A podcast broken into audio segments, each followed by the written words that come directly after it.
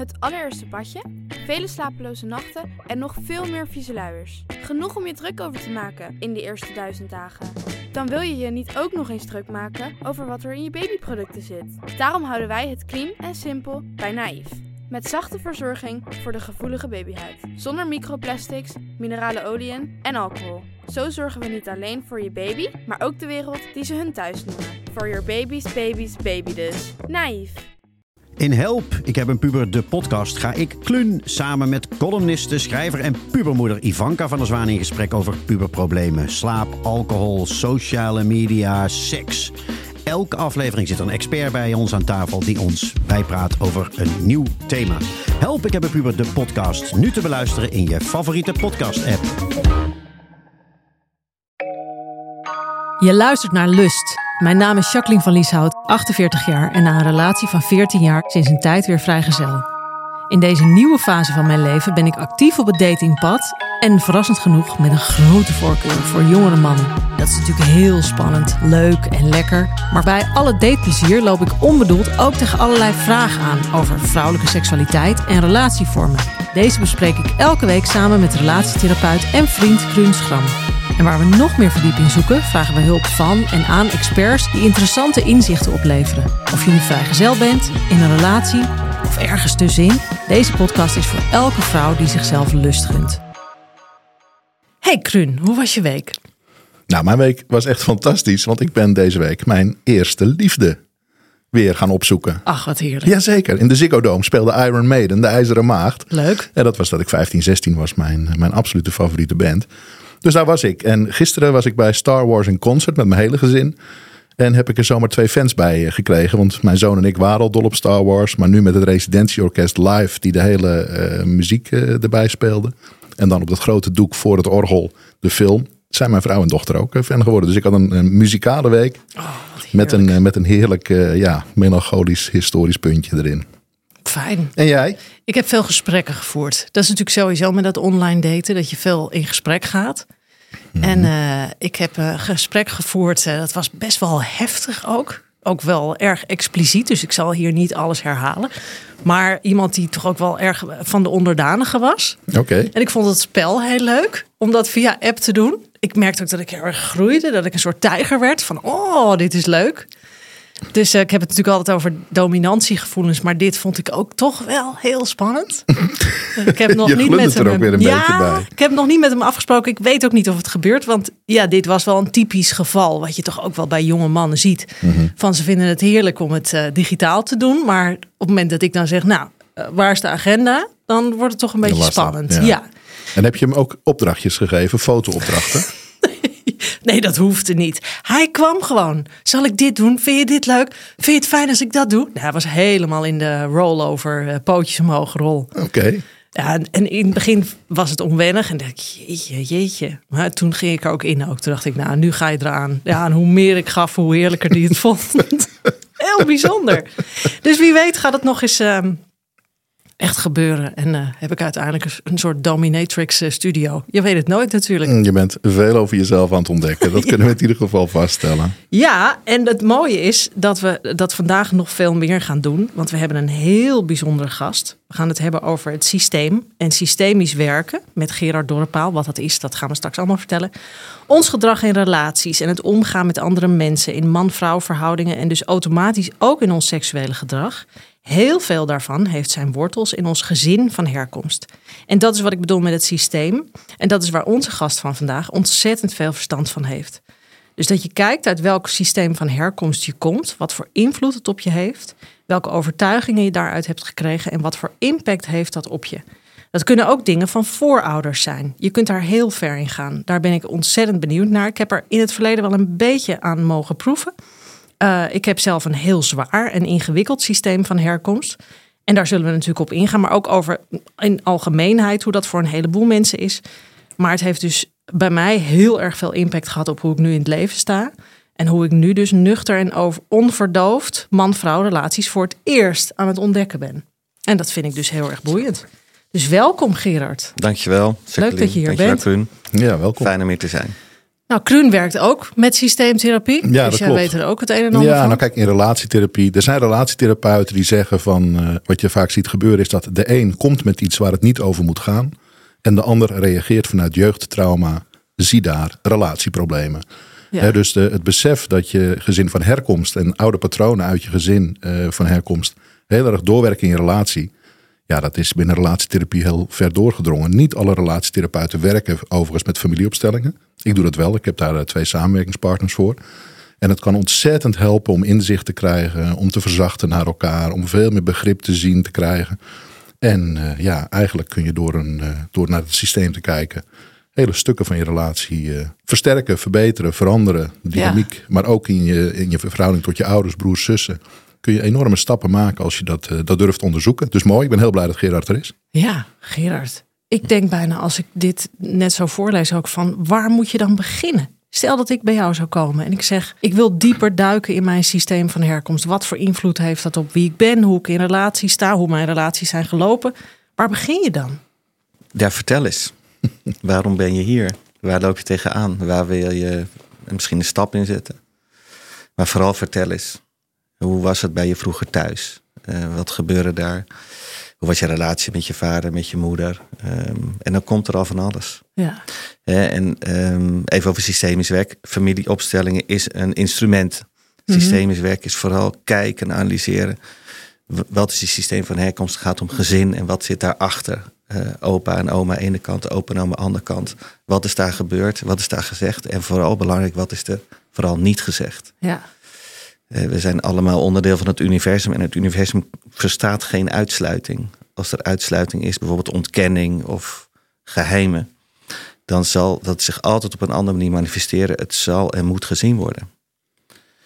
Ehm, dus als we gaan vertellen en praten en zakken in herinneringen, in, in, in het familiesysteem, dan zullen, komen er altijd dingen naar voren die in één keer in het licht mogen komen te staan ja. uit de schaduw worden gehaald en dan gezien worden. Dat is eh, vaak niet leuk, maar wel heel helend. En zodra we die delen bij ons kunnen nemen, dus de dingen die gebeurd zijn waar we liever niet over willen praten, die veel pijn doen, et cetera. Ja, dan is het wel meer, meer geheeld. Dan zijn we wel meer heel en meer van onszelf. Ja, je kunt dus kun je eigenlijk voor iedereen stellen dat er trauma is ontstaan door het gezin van herkomst? Ja, we hebben allemaal als mensen een trauma. En dat begint al bij de geboorte, want dan worden we gescheiden van onze moeder. Ja, Maar oké, dat is een beetje flauw misschien. begint de ellende al. Nou, daar, we zijn dus altijd nog maar weer op zoek naar die ultieme hechting, die veiligheid in de baarmoeder, waar we niks hoeven te doen, waar al, helemaal voor ons wordt gezorgd, waar het veilig en warm is. En in één keer eh, worden we daarvan losgesneden en zijn we in de grote buitenwereld. Dit is heel mooi. Weet je hoe ik altijd drink, hoe ik dat altijd noemde? Dan wikkel ik me in rood fluweel. Ja, Het is alsof ik dus weer terug ga naar de baarmoeder. ja, ja. Nou ja, ja, en dan, dan is de geboorte zelf, hè, die wordt wel eens vergeleken met een auto-ongeluk. Je begint je leven met een auto-ongeluk. helemaal Om door het geboortekanaal te komen. Ja, maar dat is echt zo heftig. Ja. Ja, en en die, die ultieme verbinding met onze moeder, die, die navelstreng, daar zijn we ten diepste allemaal weer naar op zoek ons hele leven. Dat zoeken we in partners. En als het niet lukt, zoeken we dat in drank, drugs, seks. Eh, verslaving is, is nou eenmaal een uiting van een enorme behoefte aan verbinding. En dat is misschien ook het ultieme gevoel van drugs. Hè, dat we even kunnen verbinden met onszelf. Ja, Eh, alcohol haalt remming en schaamte weg. Dan kunnen we ons even, even weer verbinden met onszelf. eh, zonder dat we hoeven te denken aan die, die misschien mindere stukken of de, de nare ervaringen. En daarom is het ook een, een ja, is niet waar. Hè? De verbinding onder, onder invloed van drank of drugs voelt heel lekker, maar het is in feite niet waar. Want we verbinden niet volledig met onszelf. ja. Ja, daarnaast, moet ik even, even mag aansluiten. Kijk, er is ook heel veel klein trauma. Hè. Als je als meisje leert, wees lief. Hè, wees lief. Even lief zijn. Geef even opa een kus. Geef even oma. Ehm, en daar zit natuurlijk al een stukje ja, beïnvloeding in. Of niet vrij zijn in. Wat ook al de rest van je leven meegaat. Of jongetjes, hè, huil niet. Ik heb dat niet. heel erg gehoord. Lief meisje zijn. Ja, ja, Mijn ouders zijn uit 35. Het zijn echte jaren 50 mensen. ja. Ja, het echt niet normaal. Ja, en in het lief zijn zit ook, wees niet jezelf. Hè? Dus je gaat al een stukje van jezelf inleveren. En zo heb je, we noemen dat ouderboodschappen. Dat komt vanuit de transactionele analyse. Daar is ongetwijfeld Gerard ook vertrouwd mee. En met die, met die injuncties en contra-injuncties noemen we dat. Ja, daar ga je eigenlijk je leven lang mee verder. En het maakt niet uit, want eh, je kan of de ene kant of de andere kant een beetje opgeduwd worden. En daarmee Ja. heb je te dealen. Ja. Dus de vraag is ook heel erg van ja, herken je dat? En welke zouden dat bij jou geweest kunnen zijn die voor een stuk verklaren? Bijvoorbeeld je alcoholische fase, maar ook nu je experimenteerfase. Ja. Wat ben je aan het onderzoeken eigenlijk? Nou, ik wil eigenlijk beginnen, Gerard. Van wat je zei natuurlijk van, ik begin met vertel eens. Hè, waar loop je tegenaan? Ehm ik heb afgelopen december mijn eerste nuchtere date gehad van mijn hele leven. Ik heb mijn hele relationele leven verdronken. Dus vanaf mijn 16e, 17e. De eerste keer seks was ik bijna 20. Was ik echt al fors aan de drank. Om het Zo maar te zeggen, ik stopte op mijn 41ste met drinken. Op mijn 47ste eindigde mijn relatie. En afgelopen december was de eerste afspraak met een man nuchter. Dat was een zenuwslopende ervaring, vond ik. Omdat ik er zat als mezelf. Dat vond ik heel heftig. Ik ben verbaal ontzettend vaardig. Eh, kan me overal eh, mijn mannetje of wel vrouwtje staan. Maar ik merk, en dat heb ik bij meerdere afspraken gemerkt... en bij meerdere contactmomenten met verschillende mannen... dat op het moment dat er bijvoorbeeld bijna gezoend wordt... of er valt zo'n stilte vlak voor dat er wat gaat gebeuren... dat ik dat heel moeilijk vind. Dat voelt heel kwetsbaar, dat voelt heel vreemd. En dan is het net alsof er een soort karakterwisseling bij mij komt. Weet je, daarvoor is het bravoure en kletsen en doen. En nu ik het vertel, denk ik, ja, is het niet eigenlijk heel algemeen? Of is het iets wat ook zijn wortels kan hebben? Kijk, op het moment dat de, de stilte valt hè, en het moment van intimiteit zich aandient, Ja. eh, dan schakel je werkelijk gelijk in de. Dan ontstaat er werkelijk een verbinding. En dat is nou ook het punt waar we eigenlijk naar op zoek zijn, maar ook zo bang voor zijn. Want daar is de afwij, de pijn van de afwijzing zo heftig. Ja, Je bent nuchter. Dus je bent al zo op je hoede voor die afwijzing. Want als je verdoofd bent, eh, dan is de afwijzing gewoon wat minder eh, heftig. dan denk ik, Ja, volgende, zoek het dus- uit. Dus we, we, we drinken om de schaamte wat voorbij te komen. En tevens helpt het om je angst wat te onderdrukken. Die je zenuwstelsel aanzet om ja, je schrap te zetten voor die mogelijke afwijzing. Omdat juist dat kwetsbare stuk. Ja. Ja, ik heb een enorme angst voor afwijzing. Ik kan daar ook dagen mee zitten. Ja, En het grappige is dat je hem hè, door zo dronken te zijn bijvoorbeeld voor een stukje ook zelf organiseert. Maar omdat hij zelf georganiseerd is, doet hij minder pijn. Dat is ook zo interessant. Dat ik de afwijzing meer organiseer. Ja, dat je? je denkt van, oh ja, nou, ik gedroeg me ook een beetje liederlijk. Of ik was ook niet in mijn allerbeste Ik heb er ook zelf om je, gevraagd. je kan. saboteert het. ja. Je saboteert de werkelijke verbinding. Want daar is het zo eng. Ehm, dus waar ben jij zo geschrokken vroeger? Waar ben, waar, waar, waar- waarom word je zo bang? Nou, misschien handig voor de luisteraars die denken: hoe erg is dat systeem dan geweest? Ik ben eh, feitelijk de vijfde, het vijfde kind. Eh, mijn oudste broer is uit 64. Mijn tweede broer werd geboren met een zware mentale en fysieke handicap. Nadat mijn moeder heel ziek is geweest. Is toen hij drie was uit huis geplaatst. Enorm trauma voor het gezin. Daarna zijn er twee late miskramen gekomen. Een jongen en een meisje. En daarna werd ik geboren op vrijdag de 13e in 74. Mijn ouders waren toen bijna 40. Eh, en je vraagt waar ben je zo geschrokken? Voor mijn gevoel, als ik terugkijk, ben ik geboren in een soort emotionele puinzooi. Mijn vader was een heel getraumatiseerde, dominante man. Mijn moeder die was onderdanig aan mijn vader, maar achter de schermen had ze hem heel erg onder de duim. Dat was ook voelbaar dat er achter de schermen tussen die twee van alles gebeurde.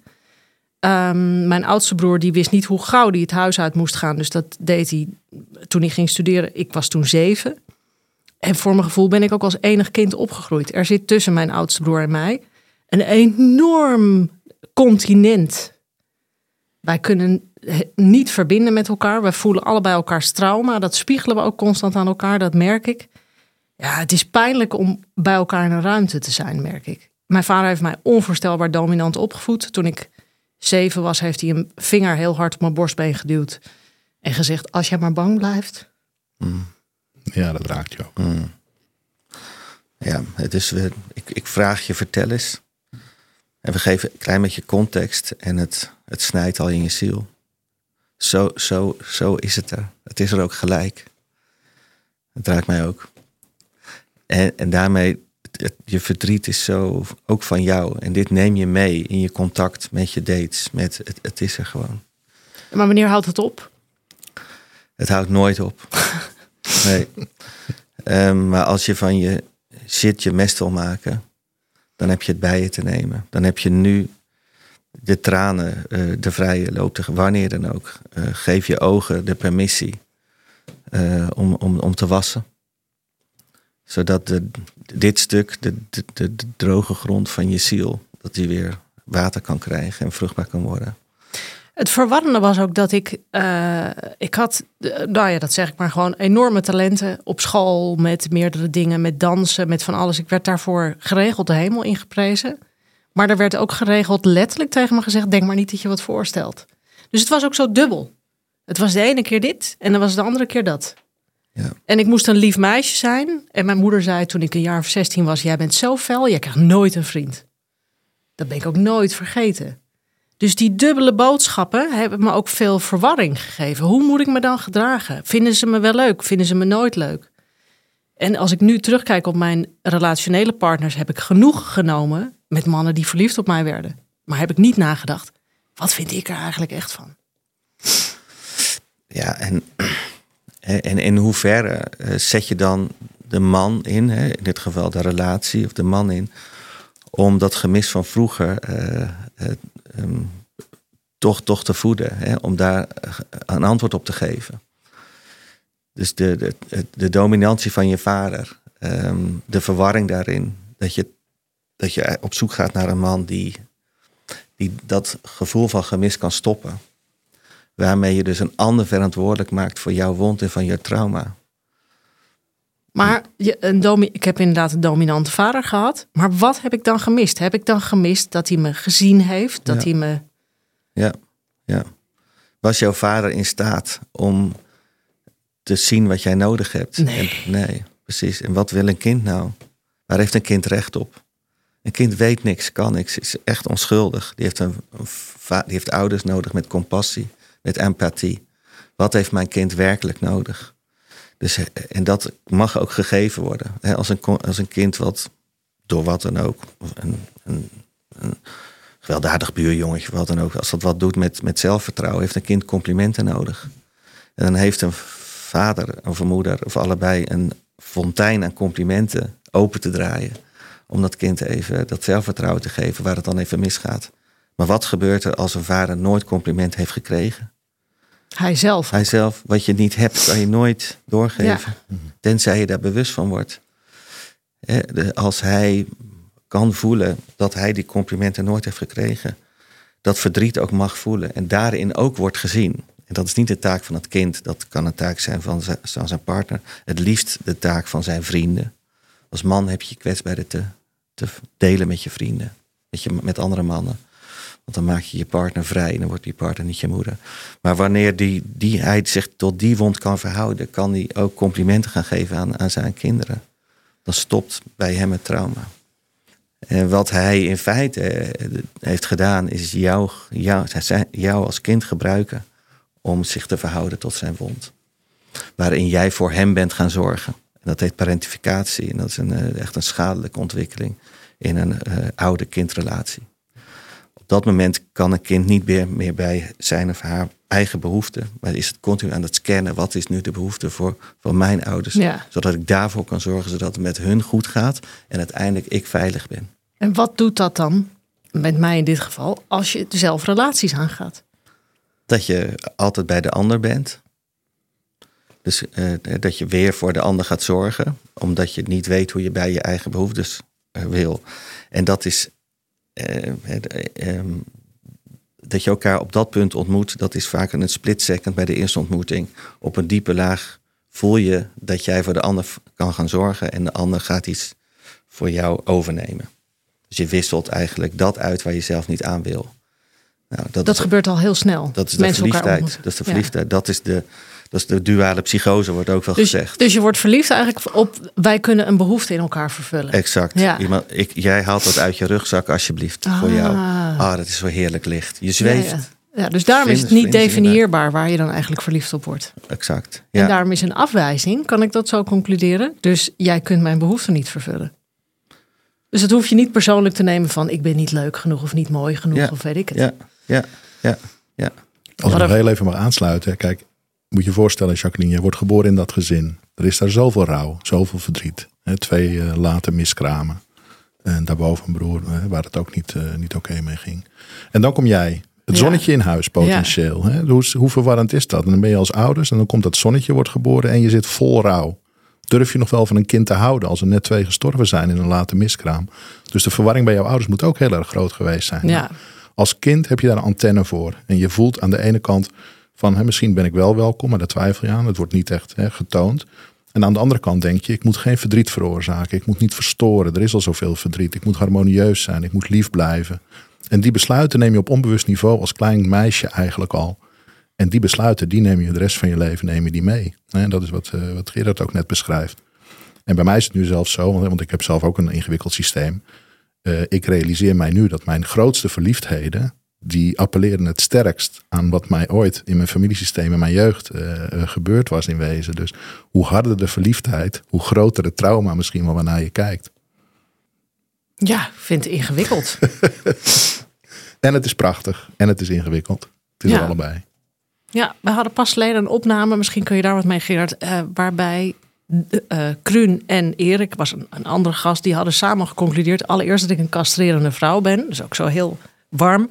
Maar, nee, is meer een grapje. Maar dat er werd gezegd, je laat te weinig ruimte voor een man om zijn rol te pakken. Maar als ik dit nu zo van jou hoor, denk ik, ja, ik ben natuurlijk gewoon bang dat mijn vader weer de dominante kerel dit hij weer binnenkomt. Ja. Die zegt, als jij maar bang blijft. Nou, je, je leeft nog steeds dan in verbinding met je vader. Ja. ja dus we kunnen zo uh, ervan overtuigd zijn, ik ga het helemaal anders doen. Ja. Waarin we vol in verbinding zijn met, met onze ouder. Een, een mentor van, mijn, van het instituut waar ik mijn opleidingen doe, vertelde dat hij, uh, had een wat, wat rigide vader tussen aanstekens. Dus werkelijk alles in huis moest precies op één plek liggen op die manier. Dus toen hij op kamers ging met een, met een huisgenoot. Dus na, na een jaar zei zijn huisgenoot: Ik ga weg, ik kan er niet meer tegen. Je maakt er zo'n vliegende puinhoop van. Alles gaat mis, we zijn alles kwijt, deurwaarders op de stoep, want onbetaalde rekeningen enzovoort. Ja, zei: Ik kan wel, maar ik ben, ik ben op deze manier vrij. En waarop die huisgenoot zei: Je bent niet vrij, je bent nog steeds in gevecht met je vader. Je bent alles contra aan het doen en het, en het schaadt je. En dat was voor hem zo'n inzicht. En toen kon hij pas gaan voelen van wat is nu werkelijk voor mij belangrijk. Dus niet in relatie met zijn vader, maar waar heb ik nu behoefte aan? Wat is goed voor mij? Ja, maar hoe kom je daar dan achter? Want dat is zo'n makkelijke vraag. Waar heb ik nou eigenlijk behoefte aan? Maar als je zoals ik 48 jaar lang in dienst hebt gelopen van... en dus alleen maar, weet je, als jongste van die vijf heb gedacht... hoe kan de rest gelukkig zijn? Mm -hmm. Mm -hmm. Hoe kan je dan nog weten wat je zelf wil? Ja. Um, dat is niet makkelijk en ook best moeilijk. Maar het, er is een weg en dat is toch vertragen. En naar binnen. Vertragen. Vertragen. Dat is de, het moeilijkste woord uit de Nederlandse taal. Ja. ja, en daar zit het. Omdat de huidige beweging is vluchten, is vooruit.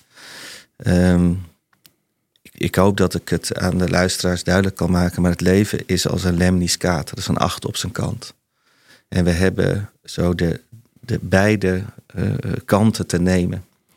En we kunnen op een gegeven moment gaan zwelgen in hoe het vroeger was en wat er allemaal is gebeurd. En dan blijven we in het ene rondje ronddraaien. Mm -hmm. We kunnen daar ook helemaal geen zin in hebben en juist de vlucht naar voren maken. Dan zitten we in het andere rondje, daar draaien we door.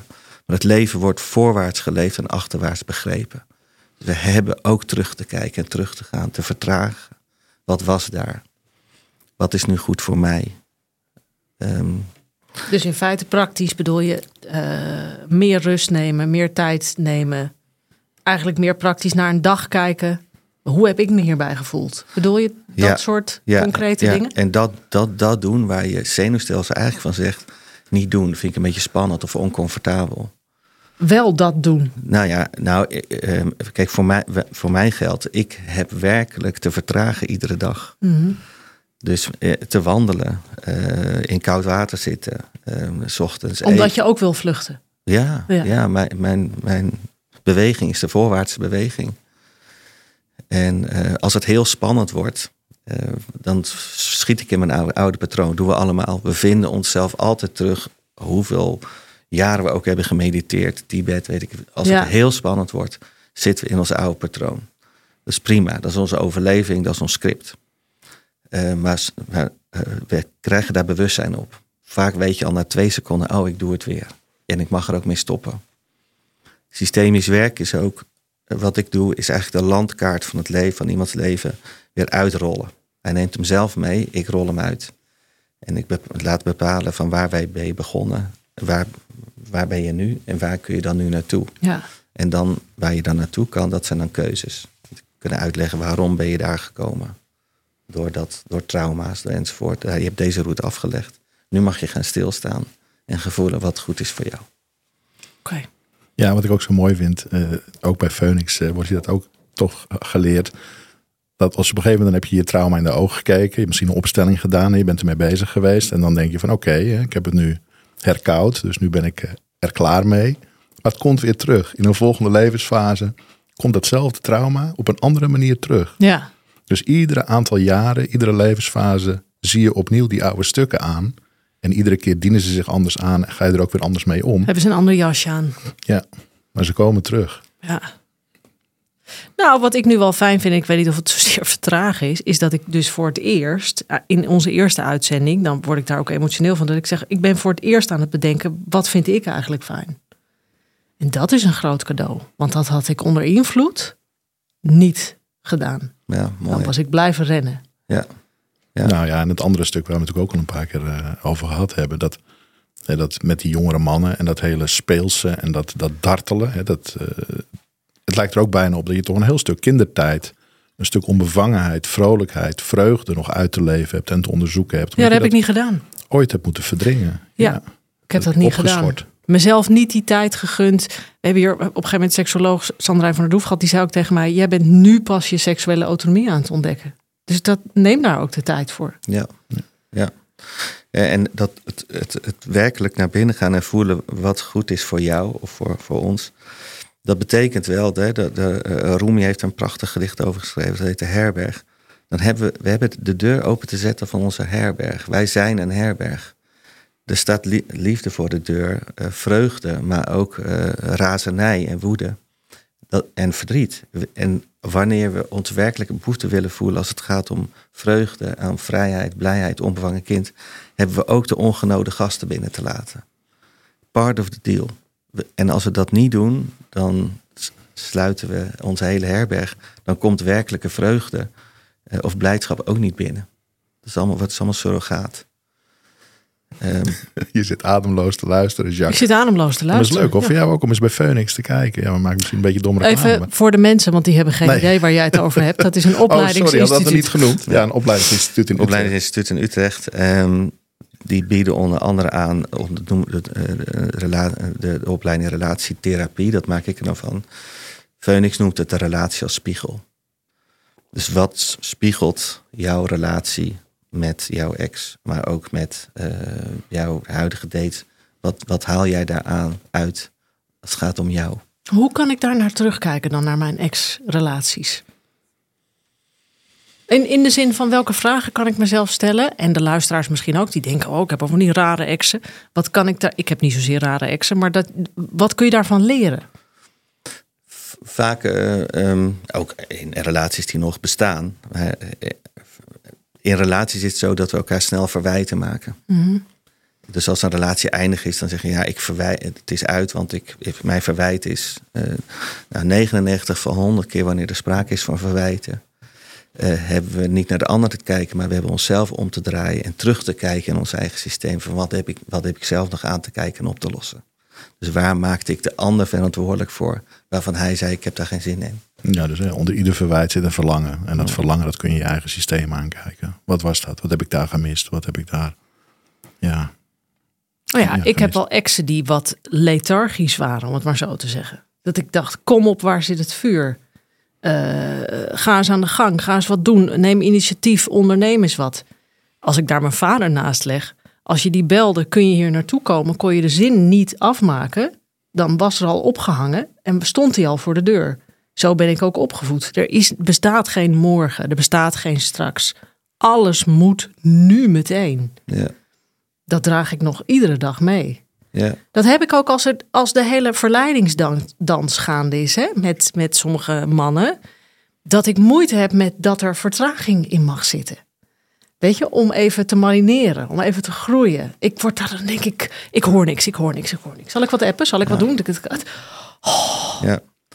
Ja, bij mij als mens, er zijn vijf karakterstructuren en er zijn er vaak twee dominant. Bij mij is het de, ik vergeet hem altijd, in ieder geval de andere, de nummer twee is, eh, is eh, oh, de symbiotische. En nummer twee is eh, de orale.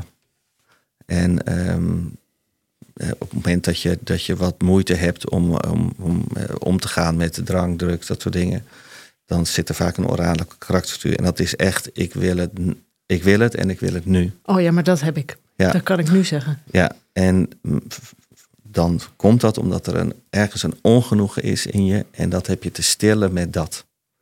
Dus het is niet vanuit een soort vreugde kiezen, maar om iets te dempen. Ja, En ja, dat, dat dient zich nu heel erg aan. Dus er moet nu echt wat gebeuren. Ja, Kom, wijn, seks, drugs, eh, nu, nu, Ja. nu, nu, nu.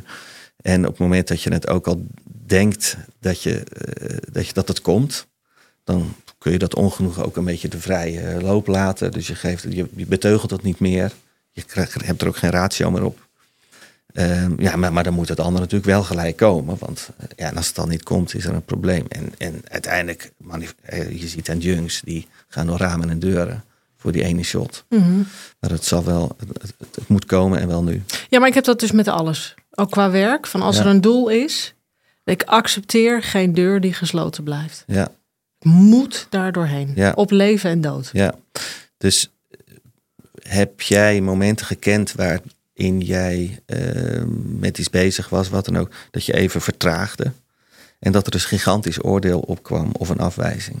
Als kind. Ja, Nou, ik, ik, ik denk niet dat ik ooit heb vertraagd. Daar ben ik te bang voor geweest. ja, ja. Ja. Dat mocht absoluut niet. ja. Nou, dat is, dat is heel groot. Ja, Ja. ja, dus wanneer er een proces in gang wordt gezet waar je maximaal invloed op hebt, zeker, je wilt die output moet ook goed zijn en het proces vraagt wat tijd, het universum misschien wel, ja, dan of je haakt af of je eh, geeft plankgas zodat het alsnog gaat gebeuren. En op dat moment zou het, en dat kan, dat je dan weet van oké, eh, mijn reactie, hè, dus dat plankgas geven, dat staat eigenlijk niet in verhouding tot de gebeurtenis in het nu. nee, maar ik doe dat bijvoorbeeld dus in relaties. Of Ja. in dat, die zwanendans Mhm. ga ik ook plankgas geven. Ja. Wat natuurlijk voor andere mensen, voor mannen, echt zo, jeetje, wat is dit? Precies, dus die energie van het plankgas is eigenlijk te groot voor de situatie. Ja, precies. Precies. Nou, altijd als de energie te groot is voor de situatie in het heden, is er altijd oude pijn. Dat dient zich dan aan. Je, je zenuwstelsel gaat, geeft, gaat gewoon in een alar- alarmmodus. Die herkent dingen, maar dat is van vroeger. Van pas op, kijk uit, ga weg, don't go there, enzovoort. Ja, maar dan loop ik, ik loop dus dag in dag uit rond als een zeer getraumatiseerd kind. Je hebt een zeer, je hebt een zeer, je hebt een zeer getraumatiseerd kind in je. Ja. Ja, Dat daar mag hoef ik me niet voor 100% mee te identificeren. Exact. Dat is je wat hebt ik het je hoor zeggen. Precies. Dat mag Plus- je bij je nemen. Ja, en, en je hebt ja, toch te pakken te realiseren. Het was ooit je beste overlevingsstrategie. Hè, Dus het, het is een overlevingsstrategie die je ooit goed geholpen Ja. heeft. En in het hier en nu helpt die je niet altijd. Nou, als je dat kan aankijken en vertragen, ja, dan kun je veranderen. En dat brengt een schuldgevoel met zich mee, omdat je ook loyaliteit hebt aan je oude systeem. Naar dat, ja. Dus het is niet het makkelijkste proces. De vertraging zorgt ervoor dat je, dat je van onbewust onbekwaam naar onbewust bekwaam gaat. Hè? Dat je, Mhm. je oké, nu doe ik het weer. En wat mag je zeggen? Weet je, geef je het getraumatiseerd eh, kind een naam. Kom er maar even bij. Het is nu even niet nodig. We redden dat samen wel. Ik kom er met je hand. Komt goed. Ik ben er ook. ja.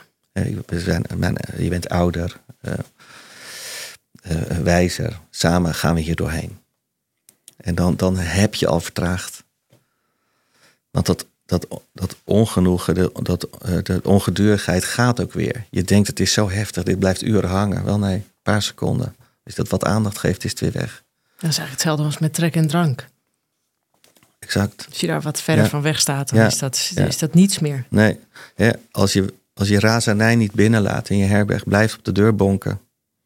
Nou, daar word je, on- word je zenuwachtig van. Of van Mhm. iemand die continu op de deur bonkt. Ja.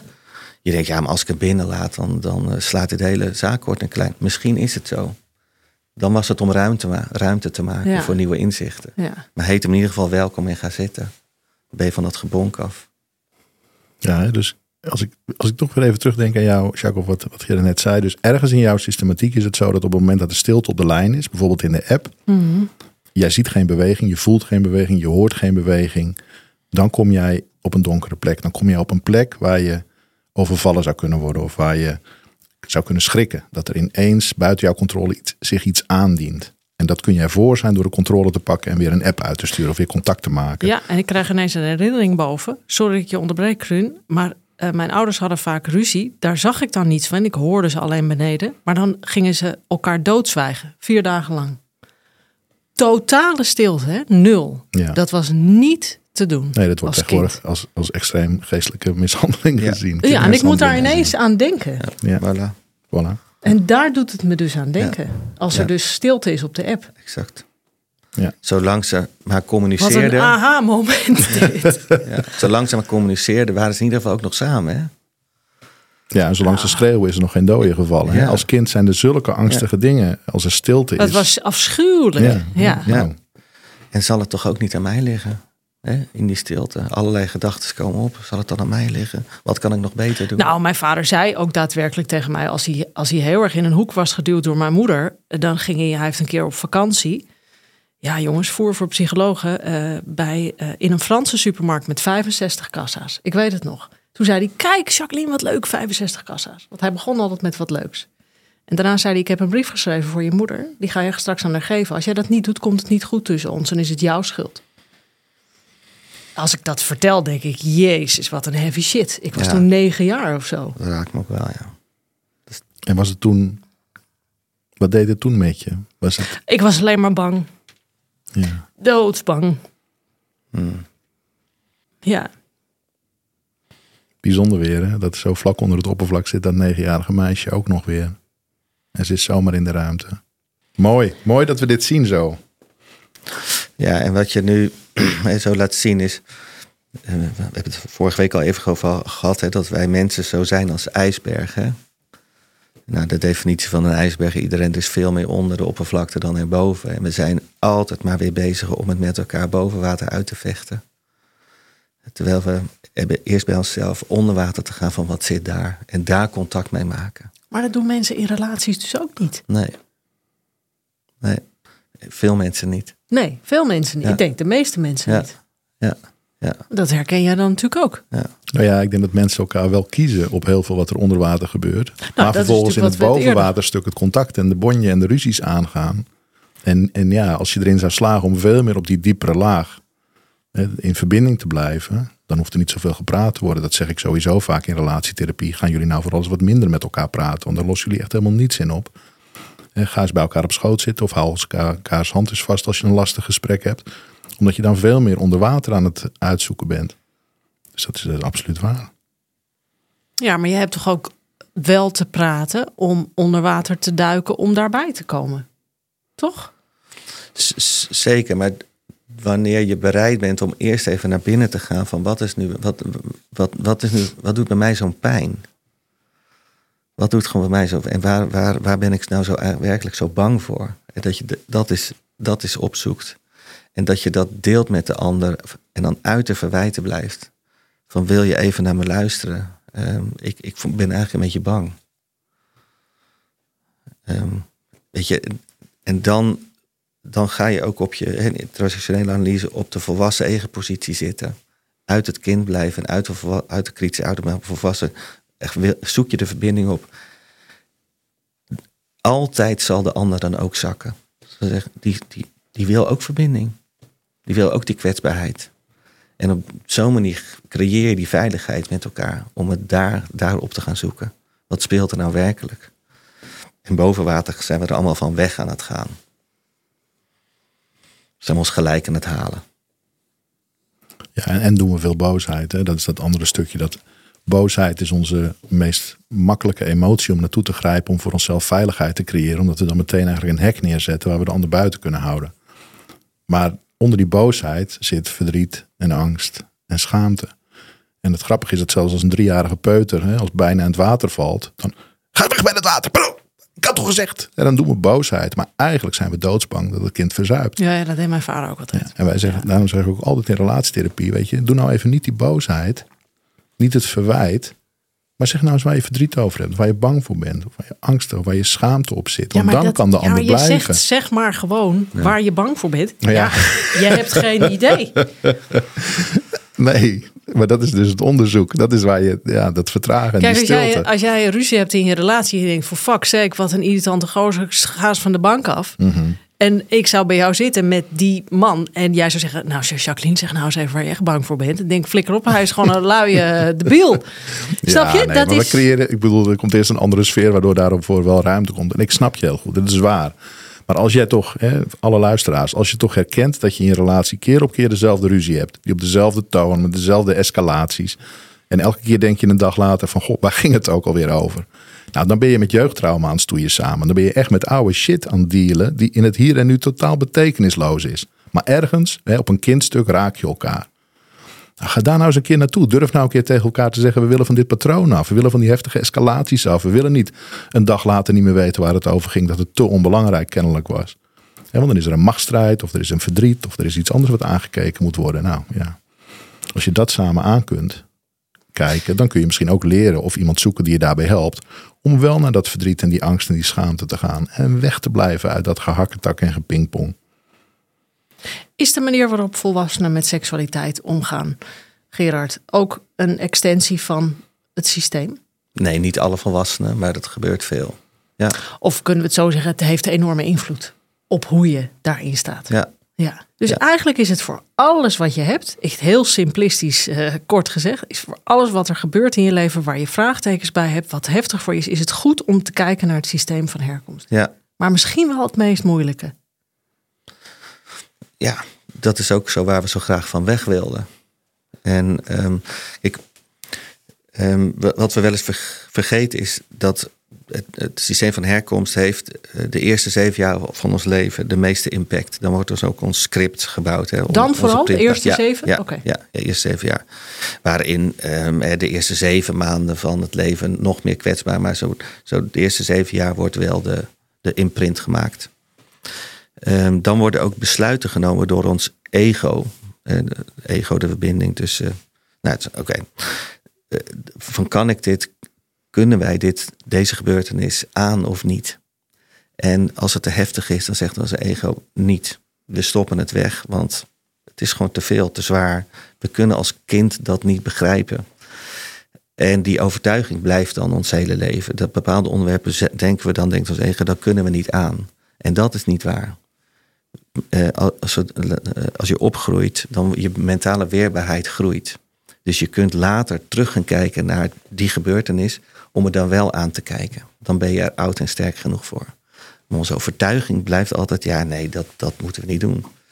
Eh, Omdat je redeneert vanuit je kind zijn. ja, Ja. De, de overtuiging is dat, dat die gebeurtenis kan ik niet aan. Ja. Ik heb toen die, dat besluit genomen. Mijn ego zei, dit is te zwaar. Waarop we zeggen, oké, nou dan, dan etiket erop, dit is te zwaar.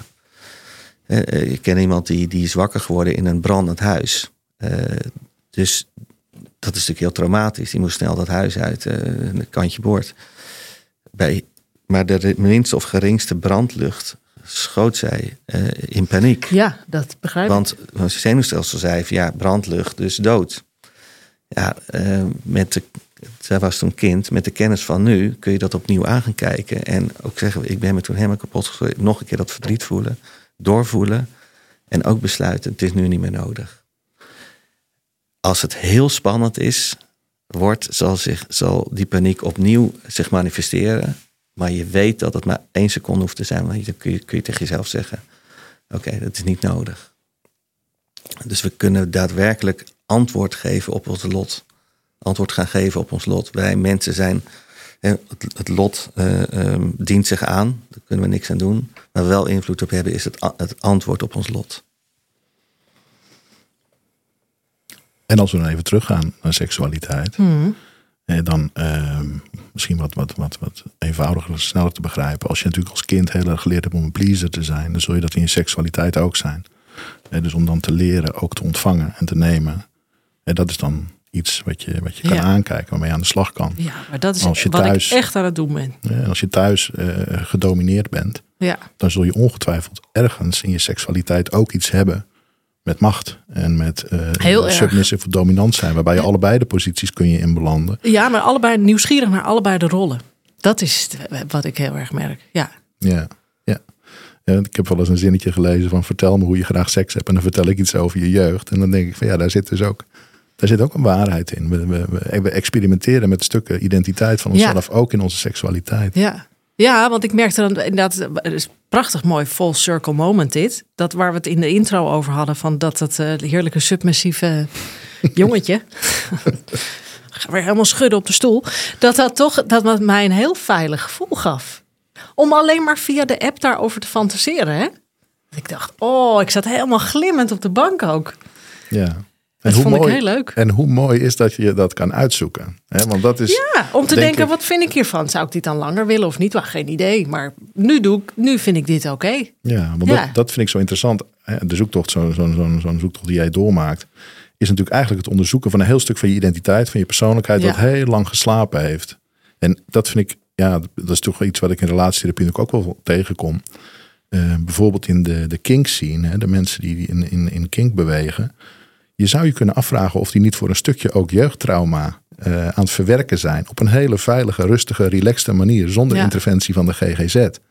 Ja, die zijn gewoon zelf aan het experimenteren en onderzoeken hoe ze kunnen helen. Ja, want het zijn hele intense eh, Ja. relaties die daar, eh, die daar zijn. Tussen dominant en submissives.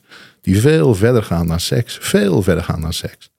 En daar zit Ja, maar dat is natuurlijk de helende oppervlakte die iedereen ziet. Hè? Van met de bal in de mond tegen de muur aan. Ja, precies. precies hè? Maar hè, de, de, de, de, de, de subtrend, subspace waar je in kan belanden, dat is echt een plek waar je op een heel diep identiteitsstuk terechtkomt. Heb Ja. ik begrepen, want ik, heb, ik ben zelf geen sub en ik heb die ervaring niet. Jij bent geen sub, dat weten we. Ja. Nou, er, zijn, er is wel een therapeut die heeft gezegd tegen mij, maar het is misschien wel eens goed om Het zou goed voor je zijn. Nou, om Ja. een keer helemaal in touw, in hoktaai, dat je volledig de controle over moet geven. Ja, jij krijgt beelden. Maar gewoon voor jezelf als helingsproces in een shibari jezelf helemaal laten knopen. Gewoon is om daar naartoe te gaan. Ik zie jou hangen, hè? Met die touw. En de GGZ niet belasten met dit stuk Nee, vooral. dat is ook beter. Ja, nee, maar ik denk dat, ja, nou ja, goed, weet je, Jacques, jij bent ook aan het experimenteren. Ja, Laat ja. mij ook gewoon mijn eigen Nee, oh gedachten- nee, ik vind het alleen maar leuk. Ik Ja. Zit je alleen maar een beetje te prikken. Ja, toch? Ehm, wat ik alle- alleen nog, Gerard, eh, seksualiteit is toen ik heel klein was. En voor mijn gevoel ook nog wel een beetje heel was.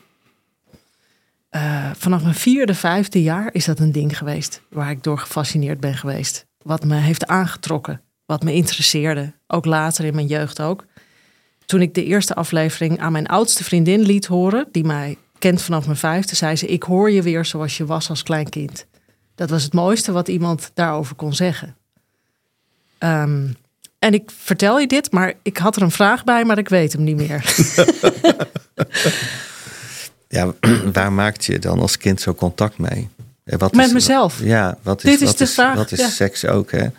Ehm, ehm, het, is, het is zo, de, het, is, het is echt de verbinding, hè? Althans in mijn, eh, mijn ogen, wer- werkelijk intiem zijn. Ja. En, eh, dat, ja, die verbinding, dat geeft zo'n geweldig gevoel. dit is zo mooi, Ja. wat je nu zegt. Daar kan ik bijna in blijven, want dat is wat het is. Het is ik was toen eindelijk in contact met mezelf. Ja. Ja, En dat be- komt nu dus weer terug. voilà. Ja. Ja, en het was van jezelf en het was bij jezelf. En je had er niemand voor nodig en niemand keek mee. Ja. Het was je eigen kokon. Ja. ja, terwijl ik lekker in de touwen klom in de gymzaal. En jij genoot in stilte en niemand die het wist. Precies. Ja, ja. Want Gerard, als jij zo hoort, hè, Jacqueline die, eh, die nu met jongere jongens, jongere mannen eh, aan het onderzoeken is. Eh, ze vertelde natuurlijk net over, over haar broers. Hoe zou jij dat duiden? Hoe zou, welk verband zie jij in, in haar zoektocht en, en haar jeugd in die zin?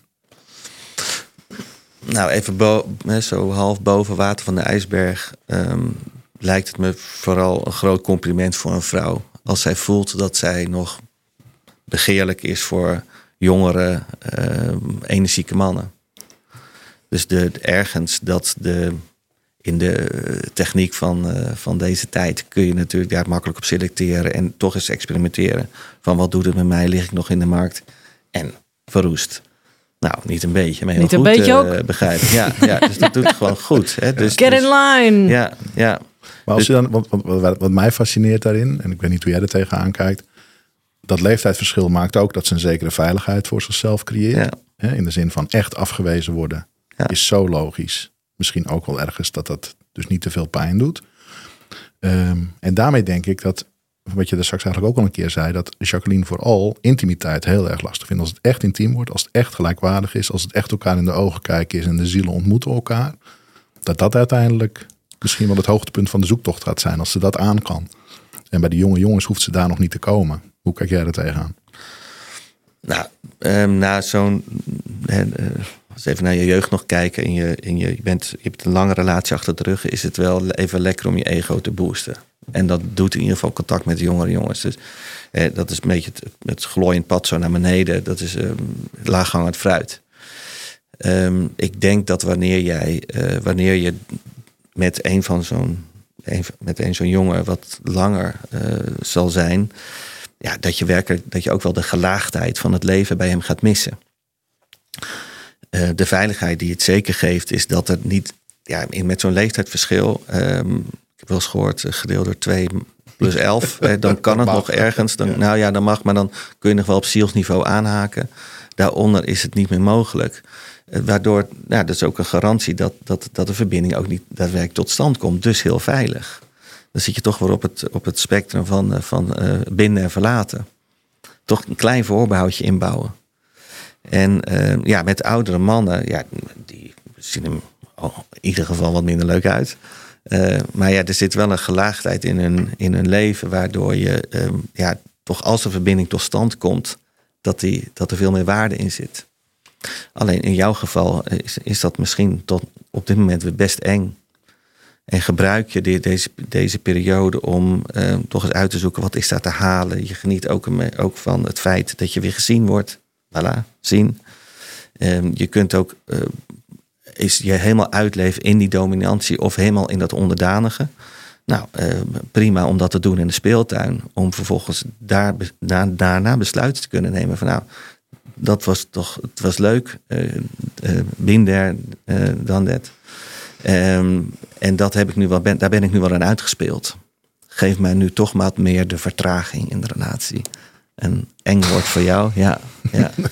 Waarbij, hè, want dat, dat blijf ik ook herhalen. eh, ik vind het schitterend dat jij dit doet. Ik vind niet dat we dat moeten problematiseren. Ik vind dat we niet moeten doen alsof hier een verwerking van jeugdtrauma het leidmotief is. Je bent inderdaad ook gewoon lekker aan het ego boosten, aan het genieten. Ja, laat dat soort gedachten niemand tegenhouden. En je vindt er, zoals iedereen, je vindt iets van je eigen jeugd of van je eigen trauma's of je eigen verleden vind je erin terug. En dat is alleen maar mooi. En dat goed aankijken, dat is, eh, dat is prachtig. Even nog, Maar 35 is dus eh, de ondergrens. Je had het net even berekend. Ik dacht het al. Dat brein is alweer aan het of, rekenen. of steeltje wel. Ik denk 35, Ja. 35 oké, ja. Het, ergens voel ik ook van, hè, van wat ik er dan van vind. Hè? Of we dat willen weten. Nee, wat, wat zo van hoe ik daar tegenaan kijk. En, eh, ehm, ehm, ergens voel ik ook bang voor een oordeel. Klopt dat? Nou, wat we meer, als ik dat even Nee. aan mag haken.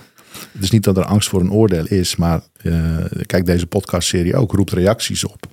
Eh, er is oordeel op. Wij hebben hier aan tafel heel weinig oordeel. Maar er is wel veel oordeel ja, ja. op. En dat is eigenlijk wat, wat ik gewoon weer wil benadrukken. Dat is niet nodig. Er is geen enkel oordeel nodig. We hebben allemaal onze eigen zoektocht en onze eigen trauma, jeugd. En als we dat kunnen aankijken en daar bewust mee omgaan, dan is dat alleen maar prachtig.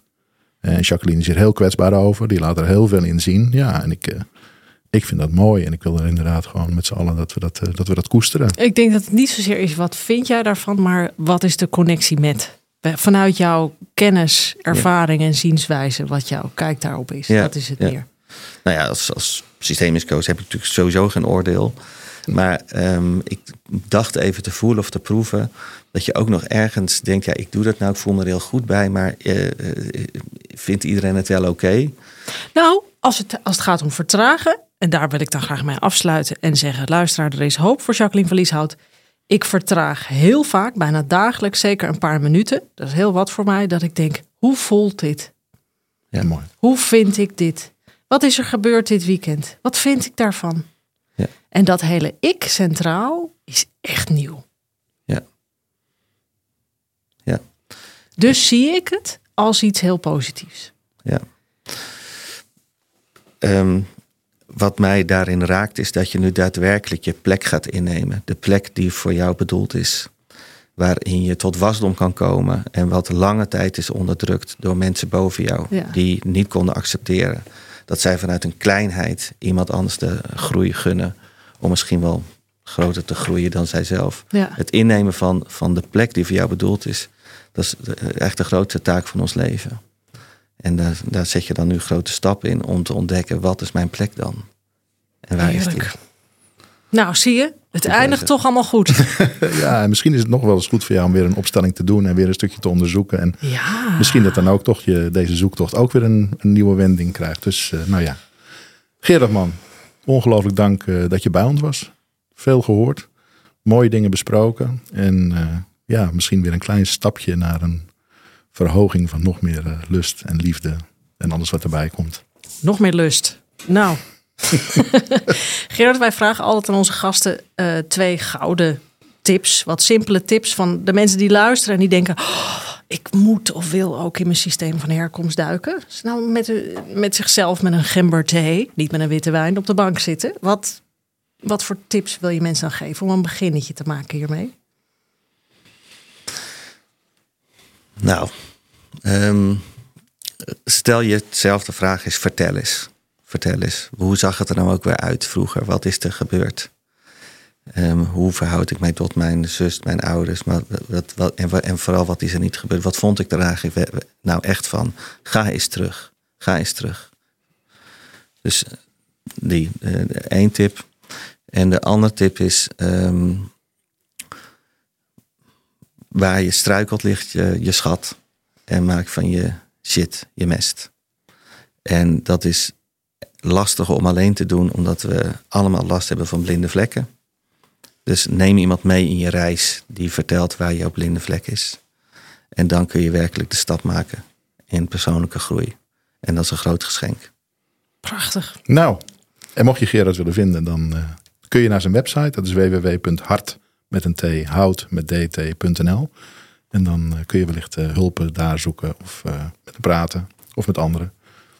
Dus ja, Jacques, zeg het maar. Dankjewel, Gerard. Het heeft heel veel inzicht gegeven. Heel graag gedaan met liefde. Ja. Heb je vaak dit soort problematische gevallen? Valt het mee? nee hoor, grapje. Ze is op zoek naar een compliment, Gerard. Ik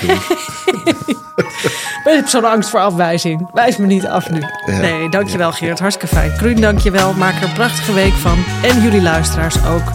Maak er wat van. Het leven is te kort om het niet te doen.